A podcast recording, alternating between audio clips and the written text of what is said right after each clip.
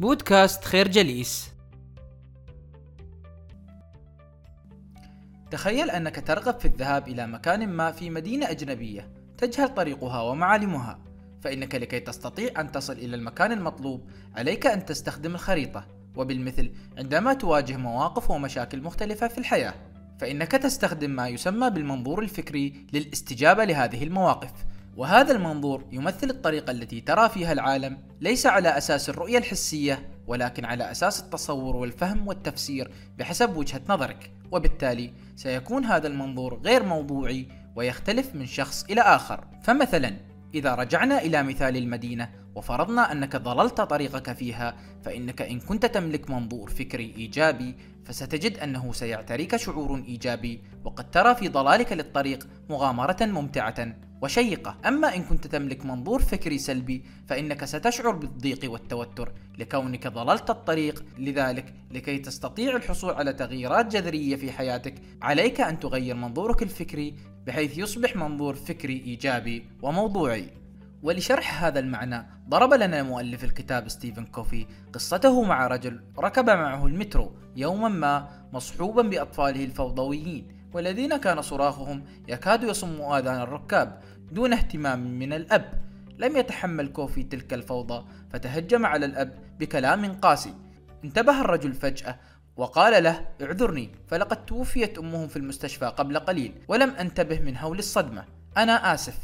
عندها لم يعرف كوفي ماذا يفعل وتمنى أنه لو تريث قليلا قبل أن يحكم على الرجل.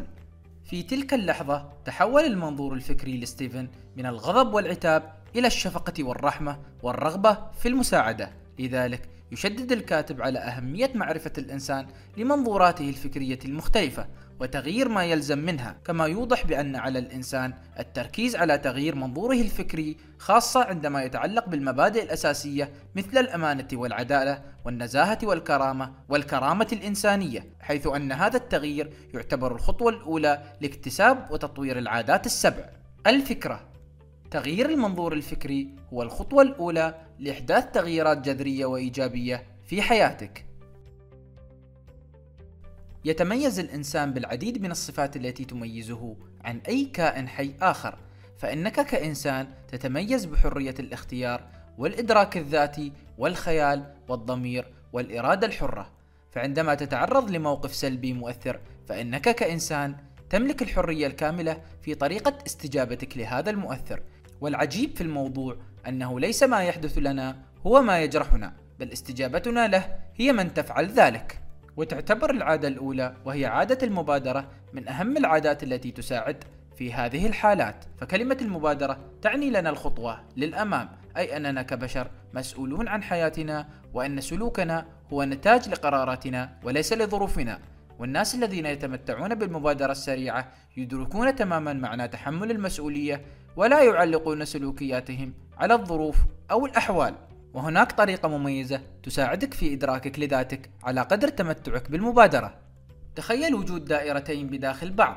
الدائرة الخارجية هي دائرة الاهتمام وهي الأمور التي تسبب لك القلق والخوف مثل مشكلات العمل والديون أو حتى الحرب النووية. وبداخل هذه الدائرة دائرة أخرى أصغر تسمى دائرة التأثير. والتي تحتوي على كل المواضيع التي بمقدورك أن تحدث تغييرا فيها وتؤثر عليها.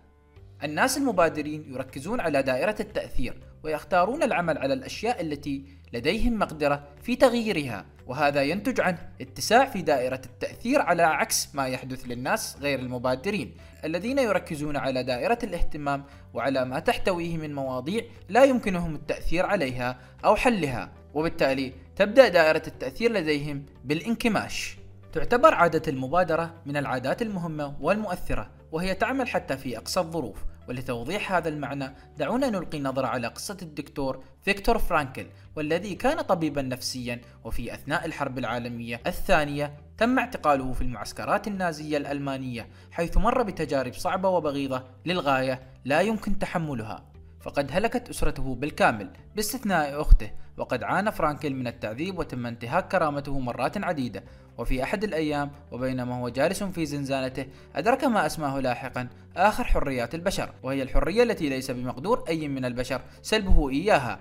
فرغم أن حراس السجن لديهم القدرة على التحكم بشكل كامل في بيئته وبجسده إلا أنه كان يدرك في قرارة نفسه كيف سيؤثر كل هذا عليه. وإنه يملك كامل الحرية في اختيار طريقة الاستجابة لهذه المآسي التي تحدث له فكان يرى نفسه في المستقبل القريب يخرج من المعتقل ويلقي محاضرة على طلابه في الجامعة ويشرح لهم ما تعلمه في أثناء التعذيب. ومن خلال هذه التدريبات في ضبط النفس تمكن من خلق حريته الخاصة التي لا يستطيع أحد أن يسلبها منه. وكما قال غاندي في هذا السياق لا يمكن لأحد أن يأخذ منا احترامنا لأنفسنا ما لم نعطه نحن إياها بأنفسنا. العادة الأولى كن مبادرا. تخيل في ذهنك أنك قد بلغت سن الثمانين من العمر حيث ستقام لك حفلة عيد ميلاد بهذه المناسبة.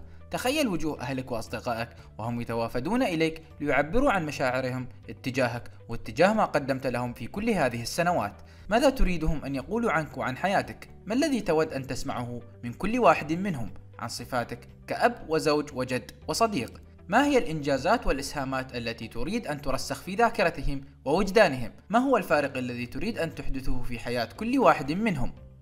ابدأ وعش حياتك اليوم وهذه الصورة في بالك أي ابدأ والغاية في ذهنك حيث ستجد فيها كل ما تريد معرفته عن النجاح وعن أهدافك وأحلامك وبالتالي سيكون كل جزء من أجزاء حياتك سواء كان في سلوكك اليوم أو غدا أو بعد أسبوع أو شهر يصب في إطار ما يهمك بالفعل. وما تريد فعلا أن تنجزه وتحققه وسوف تعطي هذه الأشياء الأولوية القصوى من الاهتمام والذي بدوره سوف يسهم إسهاما ذا مغزى في أسلوب رؤيتك للحياة كلها. ومن أهم الأدوات التي تمكنك من وضع الغاية بصورة واضحة في ذهنك هي أن تكتب رسالتك الشخصية في الحياة والتي يجب أن تحتوي على ما تريد أن تكون شخصيا وما تريد أن تفعل من إسهامات ونجاحات. وتختلف الرسالة شخصيا من شخص إلى آخر بحسب اهتماماته ورغباته فقد يصيغها بعض الناس كالآتي سأسعى جاهدا للموازنة بين عملي وأسرتي لأن كلاهما مهم بالنسبة لي. أما البعض الآخر فمن الممكن أن يكتبوا الرسالة كالآتي سأبدأ بنفسي وسأكون إنسانا مبادرا لتحقيق أهدافي وسوف أؤثر في الظروف والفرص. بدلا من تركها تؤثر فيني وستكون الرسالة الشخصية في حياتك دستورك الشخصي ومعيارك الذي تقيس عليه تصرفاتك وسلوكياتك اليومية كما أنها ستساعدك في اتخاذ أهم القرارات في حياتك. فهي البوصلة التي ستشير دائما إلى ما تريد فعله في هذه الحياة. العادة الثانية ابدأ والغاية في ذهنك. بعد اكتسابك لعادة المبادرة ووضعك لرسالة شخصية توصلك للغاية التي ترغب بتحقيقها يأتي دور العادة الثالثة وهي وضع الأهم قبل المهم. ففي كل يوم يلقى على عاتقك الكثير من المهام والواجبات المختلفة المتعلقة بالعمل والعائلة والأصدقاء وغيرها الكثير. لذلك يتوجب عليك أن تملك مهارة إدارة الوقت حتى تتمكن من إنجاز هذه المهام. بأعلى كفاءة ممكنة. ومن أفضل الأدوات التي تمكنك من القيام بذلك هي مصفوفة إدارة الوقت حيث تقوم هذه المصفوفة على تقسيم المهام التي ترد إليك يوميا على بعدين هما درجة الأهمية والعجلة. وبالتالي يتكون لدينا مصفوفة من أربع خانات وهي مهم وعاجل مهم وغير عاجل غير مهم وعاجل غير مهم وغير عاجل. ففي الخانة الأولى وهي الهام والعاجل تضع المهام التي يجب أن تفعلها الآن مثل الأزمات والمشكلات الملحة والمشروعات المحددة بمهلة زمنية. وفي خانة الهام وغير العاجل عليك أن تضع جدول محدد لتنفيذ هذه المهام مثل كتابة رسالة شخصية والاتصال بالأصدقاء والعائلة والتخطيط للمستقبل. أما بالنسبة لخانة الغير هام والعاجل عليك أن تقوم بتفويض المهام الموجودة فيها إلى شخص آخر كالرد على رسائل البريد الإلكتروني أو التعليقات. أما بالنسبة للخانة الأخيرة وهي الغير هام والغير عاجل فعليك أن تتركها وتنسى أمرها مثل متابعة التلفاز لفترات طويلة. ويرى الكاتب أن الخانة الأهم هي خانة المهم وغير العاجل حيث أن المهام الموجودة فيها يكون لها الأثر الأكبر على حياتك ومستقبلك. وفي هذا السياق يقول الرئيس الأمريكي الأسبق دوايت إيزنهاور الأمور الأكثر أهمية نادرا ما تكون عاجلة والأمور العاجلة نادرا ما تكون أكثر أهمية. العادة الثالثة ضع الأهم قبل المهم. نشكركم على حسن استماعكم. تابعونا على مواقع التواصل الاجتماعي لخير جليس. كما يسرنا الاستماع لآرائكم واقتراحاتكم ونسعد باشتراككم في البودكاست.